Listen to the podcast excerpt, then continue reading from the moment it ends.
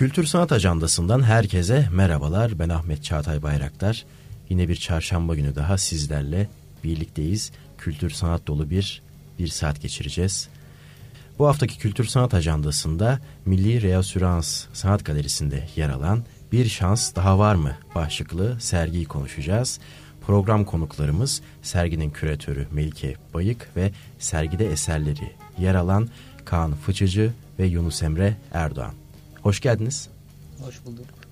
Hoş, Hoş bulduk. Çok teşekkür ediyorum katıldığınız için ve bu şahane güzel sergi için. Ee, sergiden kısaca bahsedeyim. Tabii hepsini ben anlatmayacağım. Konuklarımıza da bırakacağım elbette. Sergide Türkiye'de yer alan tarihsel ve toplumsal hafızada önemli yeri olan mekanların soylulaştırma projeleriyle dönüştürüldüğüne ve hatta yerle bir edildiğine yer veriliyor.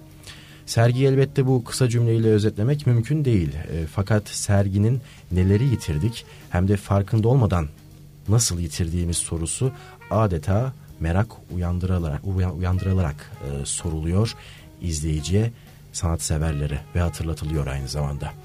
Bu anlamda mekan-insan ilişkisinde de mekan hafızalarının aslında bizler için ne kadar önemli olduğunu anımsatan bir sergi yer alıyor.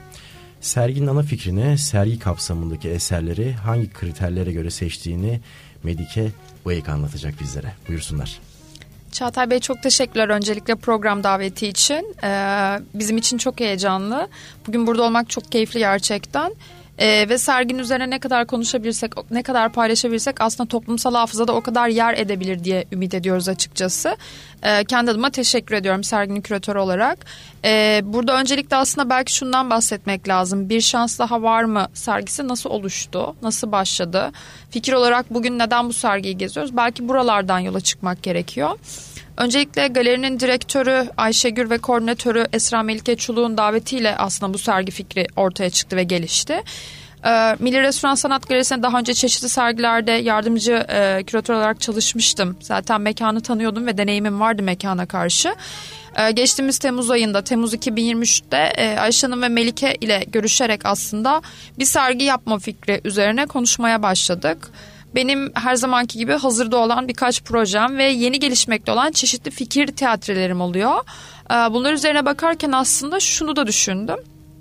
Milli Restorans aslında oldukça köklü, çok geçmişinden bugüne gelen erken cumhuriyetin de bugüne taşıdığı çeşitli ideolojileri ve aslında e, farklı yaklaşımları taşıyan çok da önemli bir kurum Türkiye'de.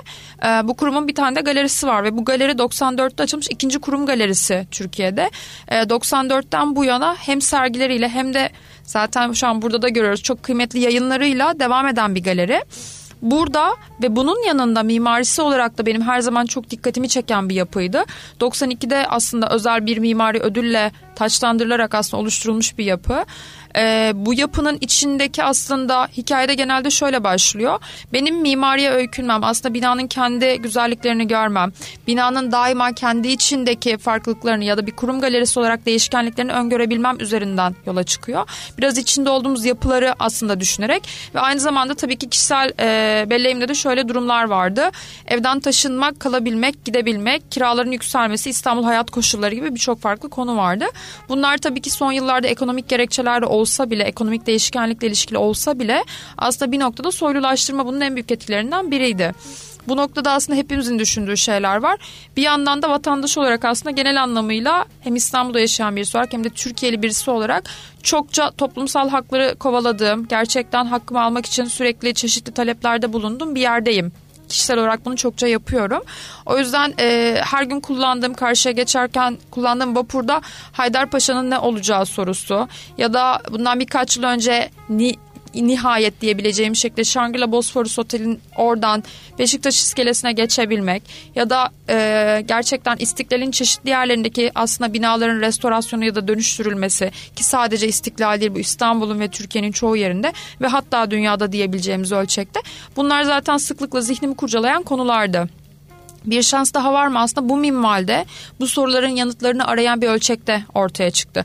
Birazcık daha bulunduğumuz ölçekte aslında çevreye bakmak, yaşadığımız hayatta baktığımız yerlerde ya da geçmişte nostaljiyle köklerimize kurduğumuz bağlarla olan ilişkisi üstüne bir değerlendirmeydi.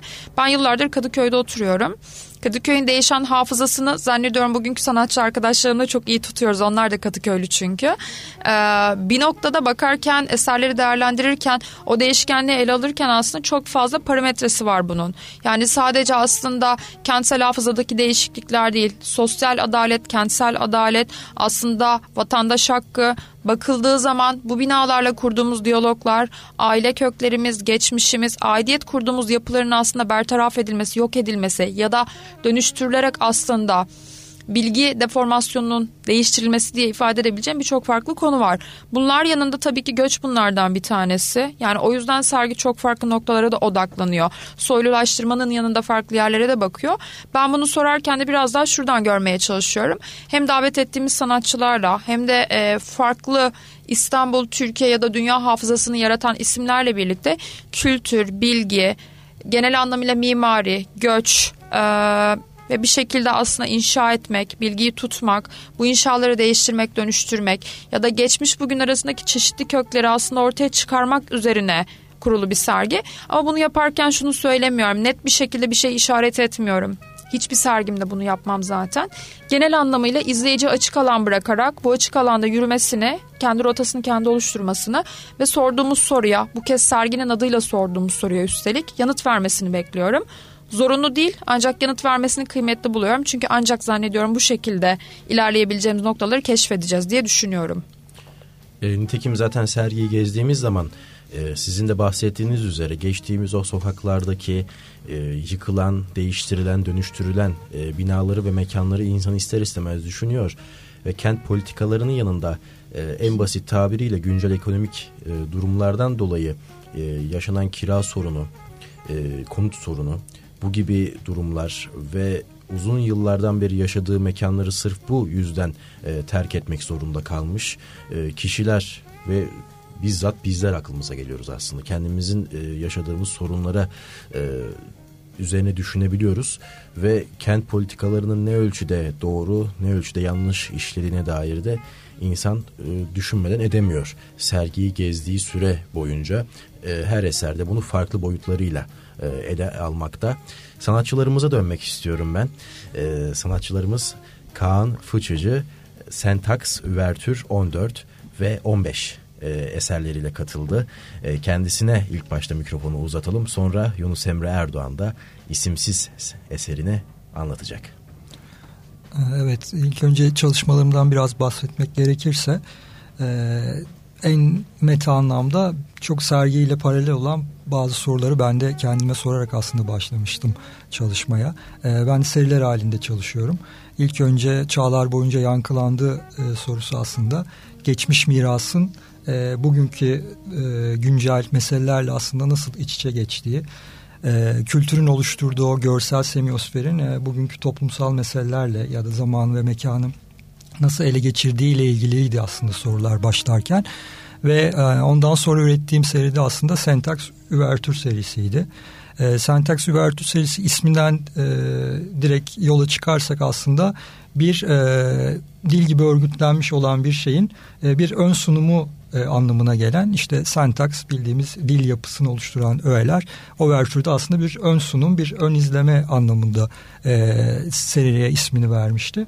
Burada temel olarak aslında daha önceki seride ontolojik bazı sorunların kültür nesne, nesne insan ve insan kültürü arasındaki o etkileşimde ortaya çıkan e, problemlerin bir projeksiyonu gibi hayal edip e, bir zihinsel mekan olsa ve bu mekan içinde bizim soyut düşünce biçimimiz olan ve kültürle çok doğrudan ilişkili olan kültürün e, kültürün evrimiyle ilişkili olan bu meseleyi aslında nasıl resmedebilirim bir önceki seriyle ilişkili olarak diye düşünmüştüm. O yüzden e, serginin en geniş manasındaki kültür nesne ilişkisi e, meselesinde çok doğrudan bir ilişkisi olduğunu düşünüyorum.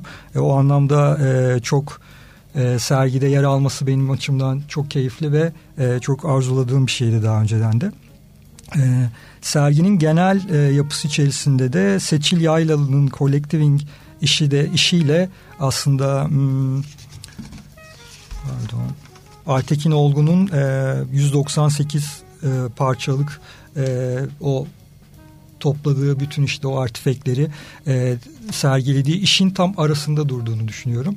E, çünkü e, bir tanesi çok grafik ve logografi olarak kendini tanımlıyor zaten. Bir tanesi de işte buluntu nesnelerden bir yapıntı. Benim o oradaki 14 ve 15 numaralı resimlerim de aslında tam olarak e, oradaki bizim aslında kültürel bir değer affet, atfettiğimiz bazı formların zaman içinde anlamlarının, biçimlerinin değişip e, fakat bir araya geldiklerinde bir dil oluşturduğunu fakat bizim bunu tam olarak anlamamakla birlikte çok fazla duygusal paylaşım içinde bulunduğumuzu gösteren bir yapı içinde olmasından dolayı e, bu iki işin arasında böyle bir duruyor olması çok hoşuma gitti benim. E, sergide yani çok doğru bir noktada ve hani işlerin bir iki işin en azından görsel olarak form olarak da birbirine bağladığı şeklinde e, olduğunu düşündüm sergiyi gezdikten sonra. İşleri böyle özetleyebilirim kısacası. Dinleyicilerimiz için her ne kadar e, betimlemesi zor olsa da kısaca betimlemeye çalışacağım tabii. Burada e, bir takım e, parlak e, figürler e, yer almakta. E, damladan tutun e, musluk borusuna e, hatta e, emojiye kadar. Aslında e, soyut formlar evet. ama işte biz e, bir şekilde çağrışım e, yaptığı için formların en genel hallerine hemen zihinsel olarak gitmeye çalışıyoruz. Tam olarak mesele bu. Yani bir araya gelen soyut formlar bizim için bir şey ifade etmeye çalışıyorlar. Yani insanın e, bilişsel kodları e, bu dili hep anlamak üzerine, dilsel olan şeyleri, sentaks olan şeyleri çözümlemek ve anlamak üzerine. Burada aslında belki biraz da bu m, iletişim e, teorilerine biraz e, atıfta bulunmak gerekebilir. Çünkü ritüel toplumlarda yan yana olmak çok önemliyken işte telgrafın icadından sonra artık e, iletişim bir noktada e, tamamen e, aktarımsal iletişime dönüyor tarihte. Öyle yani isim öyle isimlendiriliyor. Ritüel iletişim ve transmisif olan işte aktarımcı iletişim biçimine. Aktarımcı iletişim biçimi aslında hem bir yandan e, bilgiyi aktarma yollarını gittikçe soyutlaştırarak bugün internet de onun bir uzantısı ya da sosyal medyadaki dil de belki onun bir parçası. E, fakat içeriğindeki anlam yitimi bambaşka bir konu. Yani dil aktarım e, aracı soyutlaşırken dilde garip yapı sökümlerine uğruyor ve e, farklı pozisyonlara geçiyor. E, orada sizin damla dediğiniz ya da işte musluğa benzeyen bir formlar bir araya geldiğinde aslında bu iletişim biçiminin en son hali olan emojilere çok referans yapıyor. Yani orada hem yeni bir dil kurma çabası var formların bizim anlamadığımız, anlam veremediğimiz hem de bizim onunla bir ilişkilenme biçimimiz var. Yani en uzun cümleleri, duyguları ifade eden en uzun cümleleri bile bir tek sembolle, bir tek figürle ifade etmeye çalışıyoruz. Aslında bu işte tam da sentaks üvertür meselesini açıklayan bir konu haline geliyor. E, bu da tabii kültürü anlama, kültürün o e, mesela binanın içerisindeki bir e, varniküler bir işte mimari öğenin bize aslında bütün tarihten bir bilgi aktarmaya çalıştığını ve insanla ilişkisini sempati kazanarak yani o formun bizim zihnimizdeki e, iletişiminin bizde yarattığı anlamı biçiminden dolayı ilişkilenerek sürekli o mirası taşıma çabası içine girdiğimizi görüyoruz aslında. Yani en dışından soyut olarak kültür nesne insan ilişkisine baktığımızda oralara götürüyor bizi.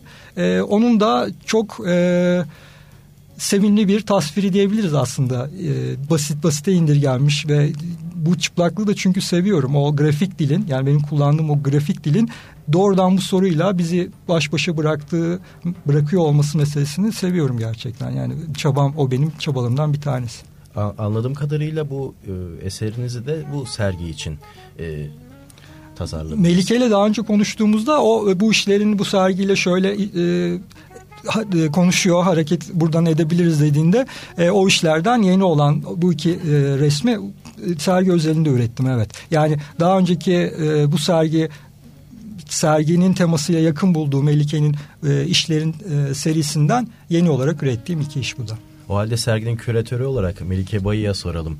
E, Kaan Fıçıcı'nın e, bahsettiği eserleri, sergiye dahil olma sürecini ve sergideki yeri hakkındaki görüşlerini. Genel anlamıyla şöyle söyleyebilirim öncelikle. Ee, sergiyi yaparken aslında 12 farklı sanatçıyla çalıştım. Ve bir noktada çalışırken disiplinler arası bir pratikte aslında ilerliyorum. Burada da benim için genel anlamıyla şöyle oluyor hangi sanatçılar, hangi eserler, hangi disiplinler yan yana gelecek? Bunu yaparken cinsiyet eşitliğine, yaş eşitliğine, eserler arasındaki aslında hiyerarşiye de çok dikkat ediyorum. Bu şu anlama geliyor. Bir eseri koyduğunuzda çok büyükse ve yanında 10 tane küçük koyuyorsunuz onların her birini bastırabilir. Yani ses, görüntü, efekt olarak bunlara dikkat etmek gerekiyor. Kanun eserleri bu noktada benim için gerçekten çok anlatmak istediğim meselenin önemli bir yerinde duruyor ve bu tartışmayı aslında e, bir araya getiriyor. Burada aslında diğer sanatçıların isimlerinden bahsederek buraya gelmek istiyorum. Sergideki 12 sanatçı ve bugün iki kişiyle burada konuşuyoruz aslında. E, diğer isimler Mehmet Ali Boran, Antonio Cosentino, Mehmet Erdener, Yunus Emre Erdoğan, Kaan Fıçıcı kendisi burada. Şifa Girinci, Rana Kelleci, Melike Koçak, Aytekin Olgunsoy, Sümer Sayın, Egemen Tuncer ve Seçil Yaylalı şeklinde. Burada aslında şöyle hem elimdeki şu anda aslında kitaptan eserleri de görüp üstüne konuşuyoruz zaten bir yandan. Hem de hakikaten sergideki eserlerin nasıl bir bağ kurduğunu düşünüyorum. Kaan bu minvalde aslında bence benim için tartışmada aslında burada kendisinin söyledi ve benim az önce acaba dediğim bir soru oldu kendi içimde. Demek ki öyle bir bağlantı kurmuş dedim. Seçil'le ilgili kurduğu bağlantıyı öyle okumamıştım ama doğru bir yerde çok doğru bir okuma. Ve hatta oradan devam ederken Sümer'in eseri de belki bunun için çok uygundu. Tipografik aynalı yazılı eser de çok uygundu. Now Here eseri de. Bir noktada şöyle düşünüyorum. Aslında bilgi, geçirgenlik, bilginin anlatımı, kültür coğrafyası bunların arasındaki ilişki benim için Kaan'ın bu sergide yer alması adına çok önemliydi. Kaan'la çalışmak için çok heyecanlıydım. Birincisi böyle bir şey var. Yani çok uzun yıllardır tanışıyoruz ama henüz hiç çalışma fırsatımız olmamıştı. Keza Yunus Emre Erdoğan'la da öyle olmuştu. Yine uzun yıllardır çalışıp sürekli bir yerlerde dirsek teması olup denk gelememiştik. Bu sergiyi yaparken ben gerçekten şunu düşündüm. Kaan'ın eserleri bilgi ve kültür coğrafyasında hangi nosyon nosyonlara, hangi bakış odaklarına bakıyor ve odaklanıyor. Aslında bunu biraz görmek istedim. Aytekin Olgunsoy'la aslında işlerinin çok dirsek temas ettiği, çok dokundu ve karşılıklı okunduğu bir taraf var. Aytekin Olgunsoy'un eserinde özellikle 198 parça antik buluntular aslında antik kazılarda çıkan ve hiçbir şeye benzemediği için çöp olarak, antik çöp olarak değerlendiren aslında kazı çöpleri olarak değerlendiren buluntularla karşılıklı duruyor. Ve yine az önce kendisinin bahsettiği gibi aslında o soyut nesnelerin yine benz neye benzediği belli olmayan objelerle karşılıklı durması benim geçmiş ve bugün arasında kurduğum nostalji ve kök arama hikayesinin temelinde bilgi yıkımı ve bilgiyi yapma meselesi arasında duruyor. O yüzden Kaan'ın işleriyle Aytekin'in eserlerini birlikte okumak benim için başka bir boyut yaratıyor. Ve sergiyi gezen izleyiciler için aslında bu ikili okuma karşılıklı Aytekin büyükçe bir duvarda birçok parçayla yan yana yerleştirilmişken Kaan'ın iki eseri aslında bu duvarın tam karşısında Yunus Emre Erdoğan'la ve Melike Koçak'la arkadaşlık ederek duruyorlar. Ve buradaki aslında bir geçiş aslında küratörler rota dediğim hikayede de benim o bilginin tınısını aslında kültürün toplandığı yeri insanın ya da aslında bilgi coğrafyasının nereden geldiğini ve bu bilgiyi aslında bu birikintiyi nasıl taşıdığını sorguladığım yerde Kaan'ın eserleri benim için öznel bir yapı taşıyor. Çünkü aslında az önce girişte birçok hikayeden bahsettim, birçok farklı konudan bahsettim. Bunları söylerken tabii ki eserler nasıl yerleşecek, Bunlar nasıl yan yana okunacak? Hangi sanatçı neden bu hikayede burada duruyor? Duvarlarda ya da mekanın herhangi bir yerinde, merdivenin köşesinde, boş bir odada ya da mekanın ortasında durdukları yerlerin bile bir anlamları var. Yani özellikle mekanı kullanırken küratör olarak seçtiğim, yerleştirdiğim hikayenin bir parçası bunlar. O yüzden Kaan yeni bir iş yapmak istediğinde tabii ki öncelikle çok heyecanlandım. Küratör olarak normalde risk alan bir küratör değilim ben. Bunlar risk alan hareketler çünkü genel anlamıyla. Ve Yunus da tabii ki bana sürpriz yaptı ve yeni bir eser vermek istedi sergiye. Ee, ama şöyle bir taraf var tabii ki. Orada hem kendi aslında mücadelenizi koruyorsunuz. Yani kendi e, challenge demek istemiyorum. Daha Türkçeleştiremiyorum. Tavrınızı, evet, evet. bir tavrını sunmak istiyor. Fakat bir yandan da sergiyle İlişkiyi Uyum. korumak aynen öyle yani sergideki anlatıyı aslında paralelde tutmak ve korumak gerekiyor. Bu noktada mesela Kaan da Yunus da bunu aslında düşündüğünde serginin kavramsal ölçeği değişmeden bu hikayeyi nasıl koruruz bunu nasıl yaparız diye karşılıklı bir güven ilişkisine dayalı aslında. O zaten küratör ve sanatçı arasındaki diyalogla alakalı bir konu. Yani gece 2'de mail attığımda ki genelde tercih etmem mesai saatinde insanlara ulaşır.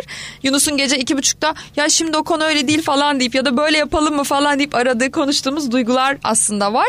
Yani hakikaten şeyim bu süreçte benim için konuyu tartışmak, anlatmak, sü- sürekli olarak fikir teatisi yapmak için gerçekten doğru temas ve noktalar oluştu. Belki bunu söylerken şu 2-3 şeyi de eklemek istiyorum. Yani sergi yaparken asistanım Deniz Özgül Tekin'le çalıştık. Hani bu benim için çok kolektif bir taraftaydı. Çünkü bu sergi aslında toplumsal bir dayanışma örneğinin temsilini bize sunuyor. Özellikle benim görmeye çalıştığım, birazcık daha omuz omuzu olmayı önemsediğim bir tavrı da ortaya koyuyor. Ee, elimde tuttuğum serginin kitabını ve aslında serginin grafik tasarımını Amir Camşidi yaptı. Yani iyi bir tasarımcı, iyi bir grafik tasarımcı. Diğer tarafta sergide 3 metin yer alıyor. Bunlar kitapta da yer alıyor. Ee, Hüseyin Gökçe, Neslihan Koyuncubali ve benim metnim var. Ee, bunlarla birlikte aslında benim o kültürü taşıma, hikayeyi koruyabilme, nostaljiden beslenmek ya da beslenmemek arasındaki bugün yarın dediğimiz o inşa ettiğimiz ya da bir şekilde tavır olarak kalıcı olanı koruyarak aslında üzerine yeniyi ekleme mefhumunu korumaya çalıştığımız tavrı bu sergide görüyoruz. Kaan da tam olarak benim söylediğim noktada o bilgi ve kültür aslında hikayesini bağlayan bir araya getiren kişi. Seçil'le ilişkisini yeni düşünüyorum ama çok doğru geliyor. Seçil Yaylalı'nın eseriyle aslında logogramlarla birlikte aslında oradaki imgelerle anlatılmak için üstü kapalı aslında terminolojiyle çok yakın bir diyalog kuruyor. Bu da Kaan'ın bana söylediği ve yeni gördüm. Güzel bir hikaye oldu. Siz ne söylersiniz? Yani, e, benim zaten yola çıkış noktalarımdan bir tanesiydi. Yani e, Aytekin Olgunsoy'un işlerinin işleri benim aslında yola çıkış noktam. Yani e, zaman içinde insan eli değmiş bazı taşların o zamansallığı, o akışı e, üzerlerinde eriyerek, erozyona uğrayarak hala saklayarak günümüze kadar yıllar boyu sürdürmüş olmaları e, ve işte müzecilikte onları alıp istiflenmesi, onların bir tarih eseri olarak kabul edilmesi, e, anıtsal bazen değerleri olması yani daha büyük ölçeklerde aslında binalarda bizim için öyledir. Hep onların birer hafızası olması fakat o formların gitgide iyice soyut bir yere varıyor olması bizle iletişimini zaman içinde belki kopartmak istiyor olmaları ama bizim onları da kendimizi unutmamak için tarihimizi unutmamak için hep sıkı sıkı sarılıyor olmamız meselesi vardı. Dolayısıyla aslında buna müzecilikte galiba etnografik envanter deniyor. Ee, ve tam da sergideki gibi sergileniyor bu etnografik envanterler. Ee, ve tam da benim işim karşında olması benim okumamı ve yani yola çıkış noktamı çok zenginleştiriyor. O anlamda çok anlamlı bir yerde durduğunu düşünüyorum. Yani çok bağlantılı ve bir kendim de sergi içinde kişisel bir yolculuk bulabiliyorum açıkçası. O anlamda çok memnunum sergide yer almaktan. Evet mikrofonumuzu Yunus Emre Erdoğan'a uzatalım. E, kendisinin eseri de isimsiz başlığıyla yer alıyor. E, temiz, e, sade bir beyaz sayfa açıyor sergide adeta. E, burada da betimlemem gerekirse tabii ki e, bir şişe ve e, karşısında yer alan bir e, silindir e, formu yer alıyor. İçerisinde kareler şeklinde betimleyebilirim. Ama daha derini, daha anlamlısı da olduğunu söyleyebiliriz. Kendisinden dinleyelim Yunus Emre Erdoğan'dan. Melike biraz bahsetti kısaca aslında ama ilk sergi için konuşmaya başladığımızda ve sergi içeriğinden bahsettiğinde e, eski çalışmalarımdan bir seçki önerdi bana Melike sergi için. Hani bunlar için ne düşünürsün diye. Onlar da sanırım aşağı yukarı 2015-2016 tarihli çalışmalardı. Ve genelde de insanların beni daha çok bildiği çalışmalarım içindendi. Ben genelde mekan ve e, nesneler üzerine natürmort ya da mekan soyutlamaları ve biraz daha indirgemeci kompozisyonlar çalışıyordum. Geleneksel bir resim tavrı olarak. Tabii ki farklı medyumlarda kullanıyorum zaman zaman ama bu öncelikli tercihim oluyor. E, bunlar içerisinde ya seçtiği çalışmalar içerisinde Melike'nin benim dikkatimi çeken şeydi. Yani sergi metniyle ya da o bana anlattığı tarafıyla domestik olmaları, aidiyet kurma kolaylıkları. E, halbuki benim genel çabam zaten hani uzun bir süredir bunun yabancılaşması üzerine. O yüzden bir soyutlama ve indirgeme çabam vardı. Ve hani tarihin düşününce o geçmiş çalışmalarım o aidiyeti tabii ki çok daha kolay kuruyordu. Ben de bu sergideki hikaye için hani yeni bir şey yapmak istediğimi söyledim. Ama onun da beklentilerini karşılamak üzere ya aynı e, geleneksel e, resim formunda ya da bir natürmort formunda. Fakat e, başka bir yapısal gerçeklikle başka bir şey önerdim. Hatta Melike'nin haberi yok evde eşimle tartışırken resim değil acaba bunu böyle bir e, ışıklandırarak natürmort olarak mı bu objeyi kullansam falan diye de düşündüğüm olmuştu. Ama e, hani tek boyutlu bir yüzeyde e, ilgilenmek benim için daha sağlıklı olacaktı. Çünkü eş zamanlı hazırlandığım bir solo sergi de vardı. Ve tüm bu işte natürmort ve mekan çalışmaları içerisinde bir de e, genelde gündelik hayatımdan e, temas ettiğim şeyleri seçiyordum. Deneyimlediğim mekanlar, deneyimlediğim objeler, işte atölyemde olan ya da işte çalıştığım galeride bulunan arkadaşlarımın evlerinde olan. E, fakat son zamanlarda biraz daha tarihsel gerçekliği olan benim deneyimim dışında kalan objeleri de e, ya da mekanları da çalışmaya başladım, değerlendirmeye başladım. O yüzden de bu sergi için ona önerdiğim natürmort'ta plastik 3D yazıcıdan yazılmış bir şişeyle e, böyle bir vanitas gibi bir şey önermiştim. Ee, bu şişeyi de aslında daha önce başka bir çalışma için arka plan olarak kullanmıştım. Yani bir şişe koruyucu fileler olur ya alkol şişelerinde. Ee, öyle bir natürmort çalışmıştım. Böyle transparan ışığı ve havayı geçiren bir e, nesneyi çalışmıştım. Onun için ekstradan o işin arka planını biraz daha kendimce derinleştirmek için ürettiğim bir şeydi. Yani o kullandığım e, filenin şişesini e, üç boyutlu olarak fotoğraflayıp tarayıp sonra onu işte başka programlarla yeniden modelleyip e, çıkartıp birkaç böyle pafta falan almıştım. Ve onunla farklı boyutlarda tabii ki hepsi. Evde oynuyordum onlarla açıkçası. O öndeki yarım duran silindir dediğiniz şey de aslında ilk hatalı paftalardan bir tanesi. Ve içerisinde onun o konstrüksiyonlu yapısal e, halini görüyoruz. E, o da biraz daha eşyasında aidiyeti koparabilecek hani pornografik bir hale getiriyor. Yani onu size direkt düz bir şişe gibi yutturabilecekken e, onun biraz daha böyle şeyi kesiti gibi aslında onun bir şişe olmadığına dair bir şey de sunuyor. Acı bir gerçeklik de sunuyor. Bu da e, sergi metninde özellikle yine Milli Restoransı'nın yaşadığı süreçle alakalı ya da genel Türkiye e, atmosferinde dahil olup bizim de dahil olduğum süreçlerle alakalı. Hani o mekanın özelinde bir ofis gibi düşündüm. Hani galeri mekanı ev değil de e, bir ofismiş ve ofis mekanında hangi objelerle ben diyalog kurabilirim? İşte bir çöp kovası olabilir, işte bir bardak olabilir, bir katalog rafı olabilir, kitaplık olabilir. E, işte bir şişe önerisi çıktı bunların arasından. E, işte o ofis mekanı içerisinde su içmem gereken şişe, içinde su olması gereken bir şişe. Fakat bu gerçekliği bana yansıtmıyor. E, bir de aslında şöyle bir ironik tarafı da var. Yani geleneksel bir resim önermiş olmak işin içinde zanaat var ya. Yani dijital olarak da o obje orada sergileyebilirdim ya da bir fotoğraf da olabilirdi. Zanaat aidiyet kurmayı kolaylaştırıyor. Yani emek e, orayla bağ kurmayı kolaylaştırıyor. O yüzden hani her ne kadar e, kompozisyon ve içerik olarak e, bunun tezat bir şey önermeye çalışsam da bunu yapış tarzım e, tam aksine şey şey direniyor. Aidiyet kurmak istiyor. Yani orada kalıcı olmak istiyor. Zaman geçiriyor. Yani oyalanıyor bir şekilde. O açıdan benim için de yani challenge demeyeyim ama Melike gibi benim için de bir ekstra mücadele olmuş oldu bu. iki şey arasında gel git e, yaşamak.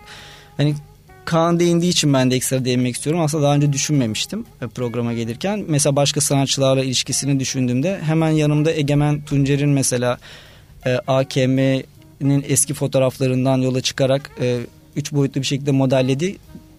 Tasarım fotoğraflar mı demeliyim bilmiyorum ama yapay fotoğraflar söz konusu. Mesela onun da yine iki boyutlu bir yüzeyde e, var olan aslı olan bir şeyi kendisini yeniden üretme çabası yani referans alarak aslını referans alarak onu e, biraz daha geleceğe atıfta bulunup e, farklı şekilde yeniden üretmesi. Benim de elimde hazır kullanabileceğim gerçek bir şey varken onu yeniden üretip onun replikasını kullanıyor olmam. Egemen'in bir replika üretiyor olması. Yan yana böyle hani güzel konuşuyorlar diye düşündüm aslında. Sanırım e, şimdilik bu kadar anlatacaklarım. evet mikrofonumuzu e, Melike Bayı'ya uzatalım. Ee, Yunus Emre Erdoğan'ın e, eserinin sergideki yeri hakkında ve küratöryel gözle nasıl yaklaştığına dair. Çağatay teşekkür ederim. Şu an beni sınava soktun. Burada bir küçük şimdi sınav vereceğim. Çıkışta görüşürüz şey çünkü bu. Şöyle e, yine aslında Yunus çok güzel e, betimledi. Hatta Egemen'in eseriyle de güzel bir diyalog kurduğunun altını çizdin. Sergide aslında benim küratör olarak görmeye çalıştığım hikayeleri çok demek ki ya da çok yakın temasta olduğumuz için fark edilerek belki okuyabiliyorlar. Bu açıdan iyiydi. E, ben şöyle bir yerden kendisinin ne kadar haberi var bundan bilmiyorum. İşlerini anlatırken çokça sergi ziyareti yapanları gezdiriyorum genelde çünkü kendisinin Joseph Kossuth gibi aslında bir üretim yaklaşımı mı var acaba sorusu üstünden de anlatıyorum. Çünkü katman katman aslında anlattığı gibi e, bir noktada benim o kurduğum hikayeyi aslında daha kişiselleştirerek başka bir yerden mekanla mekan içindeki öznel yapılarla kurduğum hikayeyi yaparken aslında çok boyutlu çalışıyor. Bunun tabii ki birinci temeli şuradan geliyor. Kendisi de biraz önce bahsetti. Önceki 3D printer'dan çıkarılmış bir model. Bunun öncesinde tasarlanmış olan bir model var basılabilmek üzere üstelik. Onun üzerinden basılan bir model. Basılan modelin fotoğrafı, fotoğrafın üzerinden şu anki çalışma çıkıyor. O yüzden aslında çok katmanlı ve geçirgen bir süreç de var orada.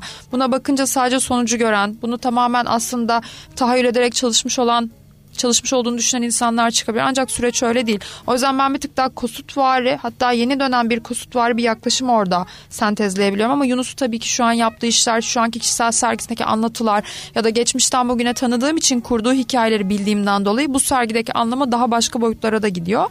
Biraz daha Yunus'u davet ettiğimde şunu konuşmuştuk e, onun aslında nesnelerle kurduğu diyalog, o yabancılaşma etkisini ben bu sefer yabancılaşmayı daha yakın bir yerden görebilir miyiz? Aslında özlem duyduğumuz hissi canlandırabilir miyiz? Ya da bu yabancılaşmayı çağırırken nostalji duygusunu ne kadar tetikleriz gibi bir yerden aslında sergiye davet etmiştim.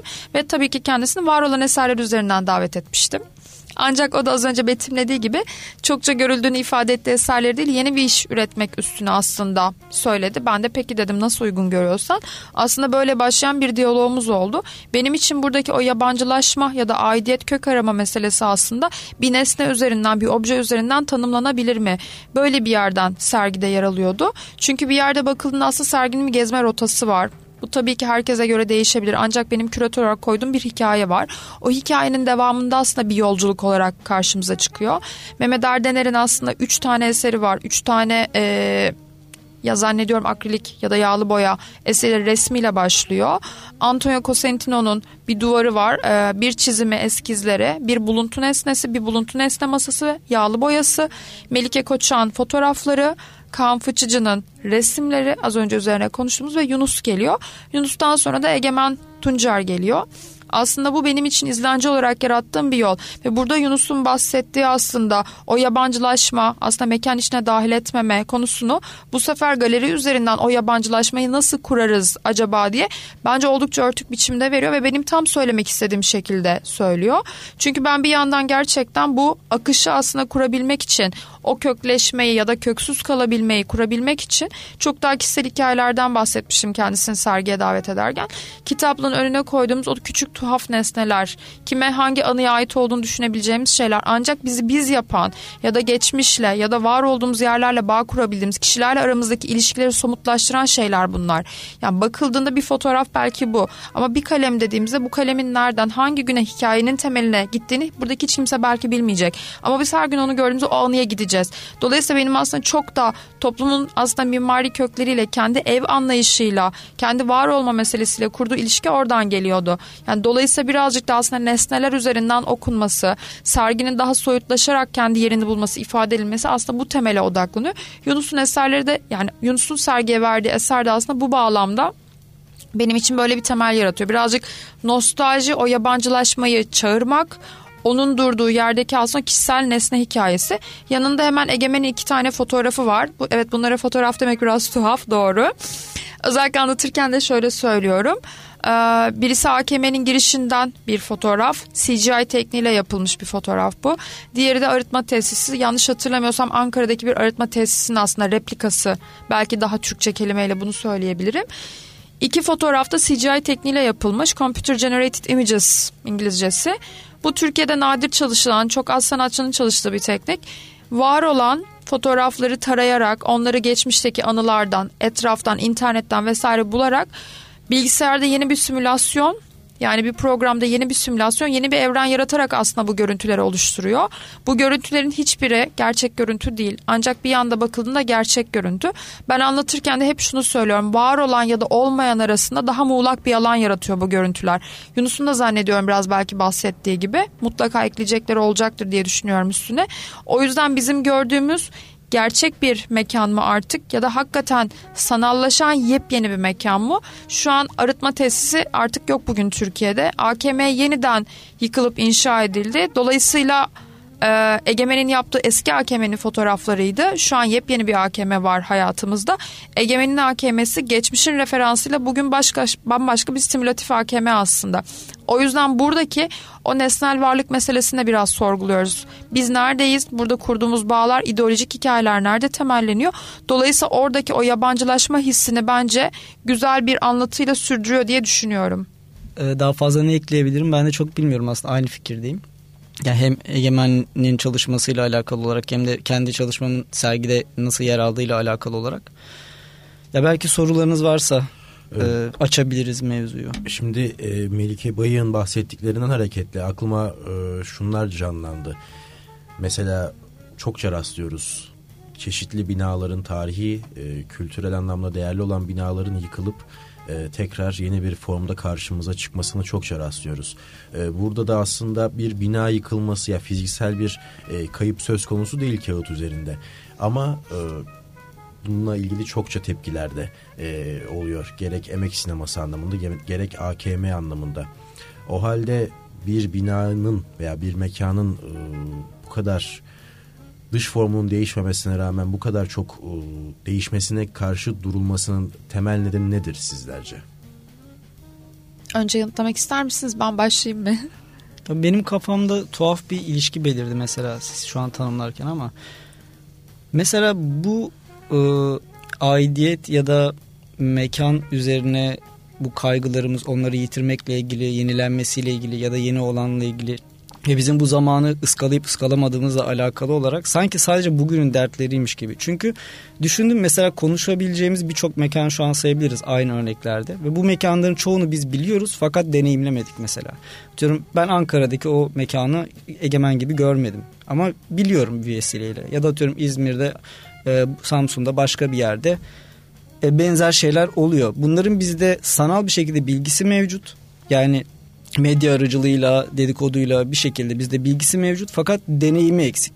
Ve biz bunlara reaksiyon gösterirken e, bu deneyimden yoksun olarak e, aslında soyut bir deneyimin kafamızdaki sadece o haberin getirdiği deneyimle bir kayıp yaşıyoruz. Çünkü fiziksel olarak deneyimlemediğimiz için sanki hani ya dur daha ben oraya gitmedim ben orada oturmadım ben orada bir kahve içmedim niye yıkıyorsunuz niye diyorsunuz ama bu yetişebileceğimiz bir şey de değil bir yandan çünkü bu yıkım hep vardı. Yani insan olduğundan beri bu değişim, e, kayıp ya da bir şeyin yerine yenisinin gelmesi hep vardı. Fakat bu şekilde tartışılmıyordu. Çünkü iletişim bu şekilde değildi. Kaan'ın az önce bahsettiği gerekçelerden dolayı. Yani o primitif iletişim biçimiyle bugünkü iletişim biçimi arasındaki farkları düşündüğümüzde bizim o mekanlarla ya da insanlarla buna dahil objelerle her şeyle kurduğumuz ilişkinin derinliğini de belirliyor.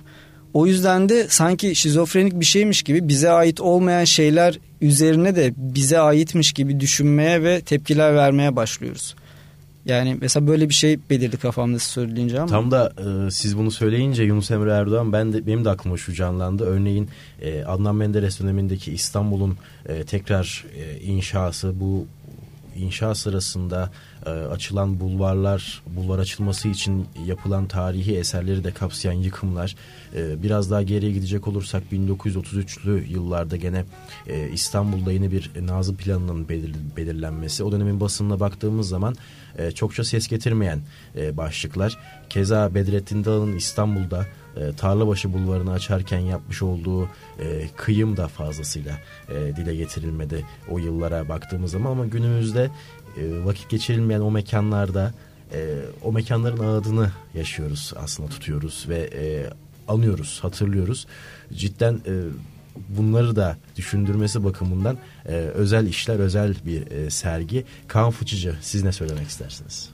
Ee, bahsettiğiniz örnekler aslında hep e, ideolojilerin işte bir sembol yaratma ve e, arzuladığı şeyi perçinlemek için çeşitli işte imgeler oluşturmak üzere yakıp yıkıp tekrardan oluşturmak üzere. Tarih zaten e, bir tanım vardı. Tarih bir itiş kakışın zeminidir gibi. Yani hiç bitmeyen bir e, yıkmak, yeniden inşa etmek bir ikon kırıcılık gibi aslında. E, herkes kendine öncekini biraz yıpratıp kendinden bir şeyler eklemek arzusu içerisinde.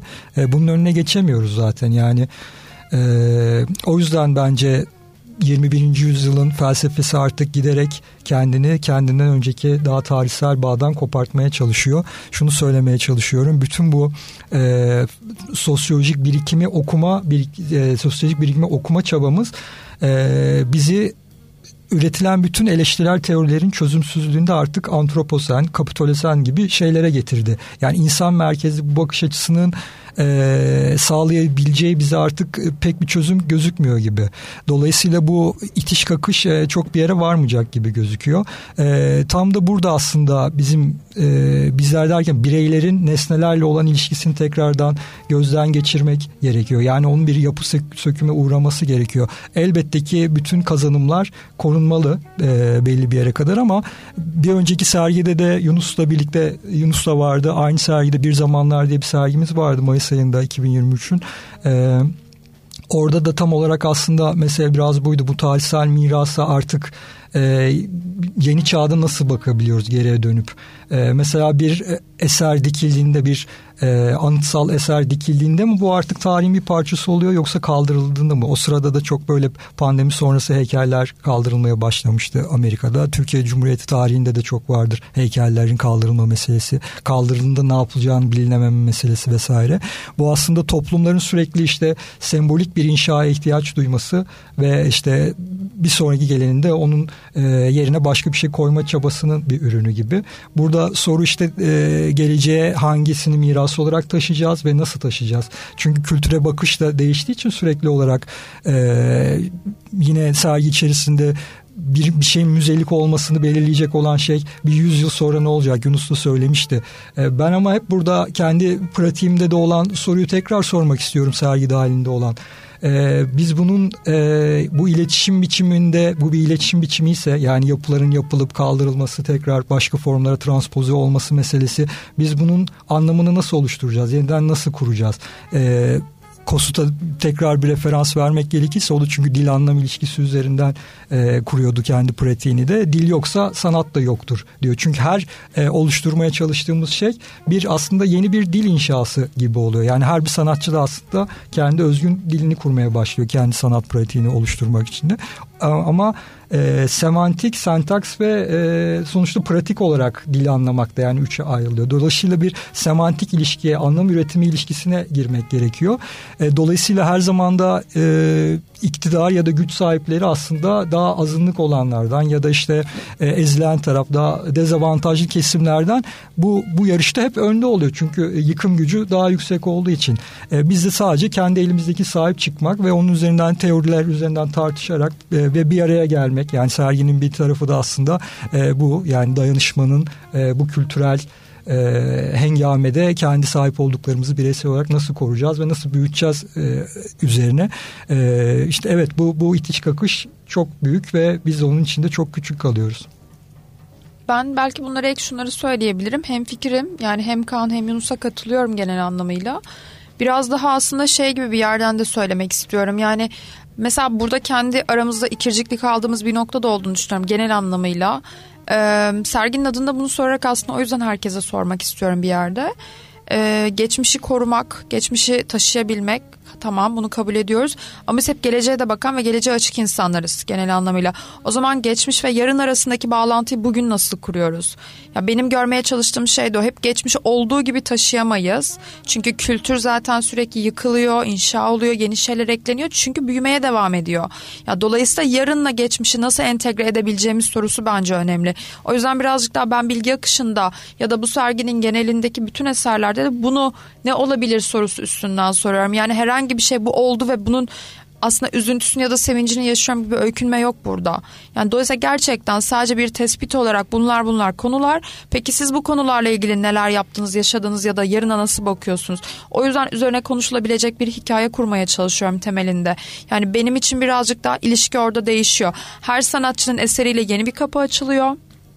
Her sanatçının eserinde yeni bir anlatıyı kuruyoruz.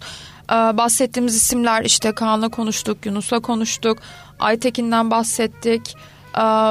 Birçok farklı sanatçıdan bahsettik. Seçil'den bahsettik. Mesela Kaan Eser'le daha yakın temasta diye. Sümer'in işleri mesela daha Sümer Sayın'ın eserlerinde biraz daha aslında kültürü taşımak, aslında oradan hareketle belki göç ilişkisini kurabilmek, zamansızlık, mekansızlık, yurtsuzluk kavramını tartışabilmek aslında üç eseriyle bir araya geliyor.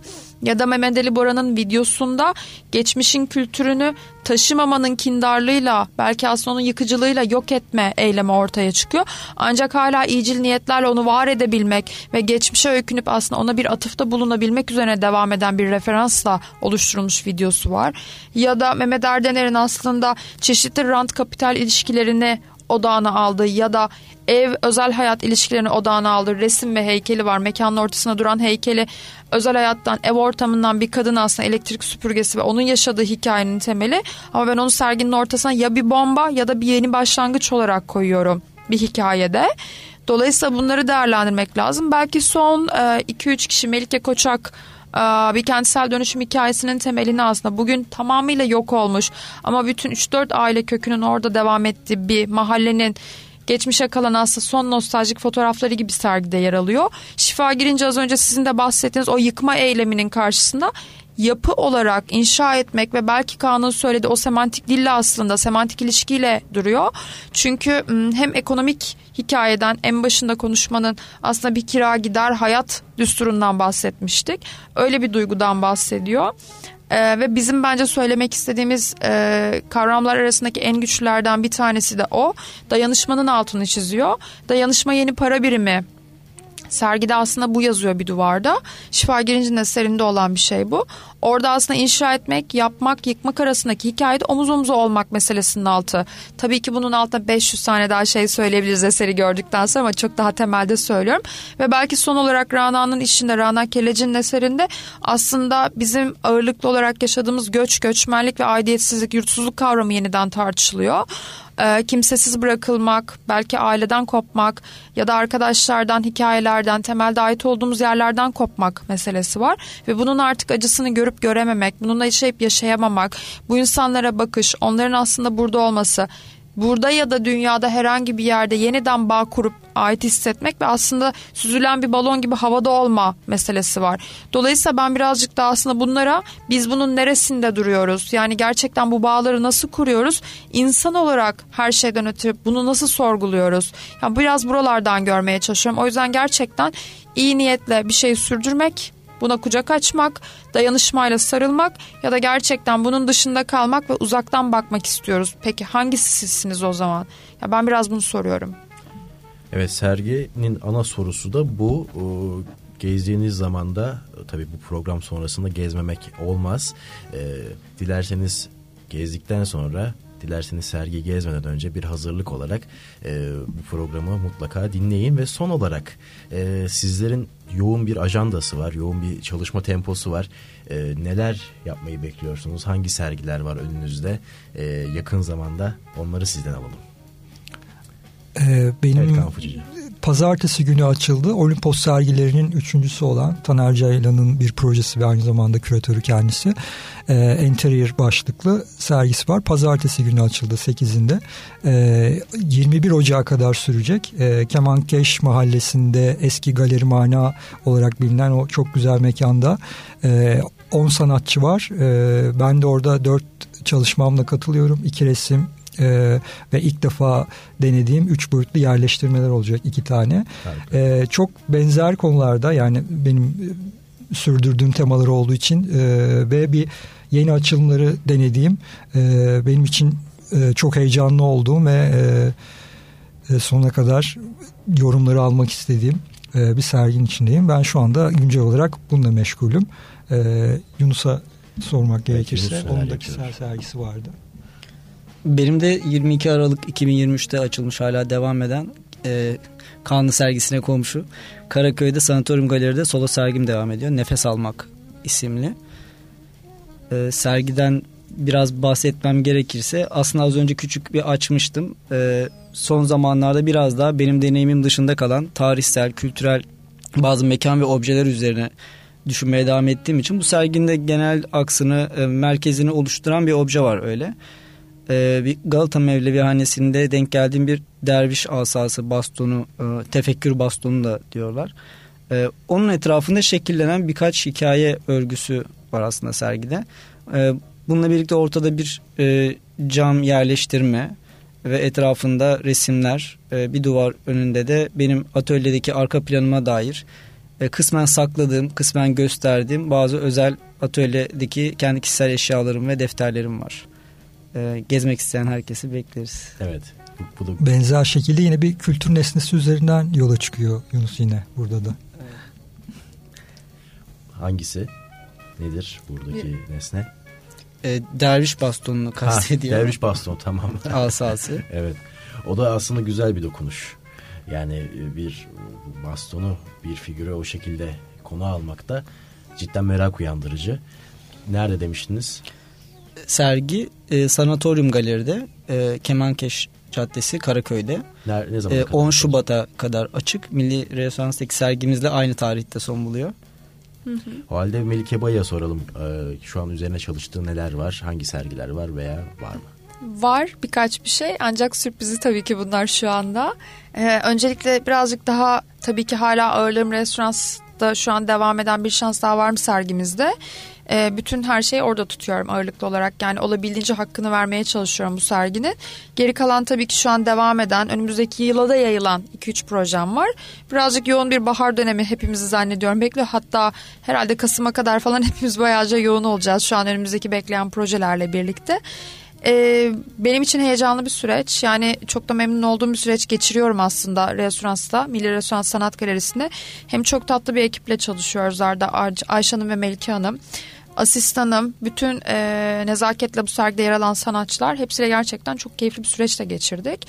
E, bütün bu programda birbirimizle aslında sürekli böyle kol kola yürüyerek gerçekten sürekli diyalog kurarak aslında ilerledi. Yunus'un az önce söylediği gibi yani bu serginin şu an konuşmaları, çeşitli söyleşi ve gezileri olmaya devam edecek. Onlarla e, aslında iletişim halindeyiz şu anda onları sürdürüyoruz. Sergi 10 Şubat'a kadar devam ediyor. Evet bunu da duyurmuş olalım. Ee, bir şans daha var mı? Sergisi 10 Şubat'a kadar Milli Reasyon'sta açık olacak. Ücretsiz şekilde gezebilirsiniz ve mutlaka e, kitaplığınızda arşiv değerli bir arşiv olma niteliğini taşıyan serginin kitabını da buradan ücretsiz edinebilirsiniz. Ee, ve tabi sosyal medyada fotoğrafları da yer alsa da İstanbul dışındaki dinleyicilerimiz için olabildiğince e, o fotoğraflardan yararlanarak sergiyi kısmen de olsa o ruhu kapabilirsiniz. Evet e, bir şans daha var mı sergisini konuştuk ve e, konuklarım serginin küratörü Melike Bayık ve sanatçılar Kaan Fıçıcı ve Yunus Emre Erdoğan'dı. Ben Ahmet Çağatay Bayraktar Kültür Sanat Ajandası'nı bu hafta noktalıyoruz. Haftaya tekrar görüşmek dileğiyle. Kültür Sanat'la kalın, hoşçakalın.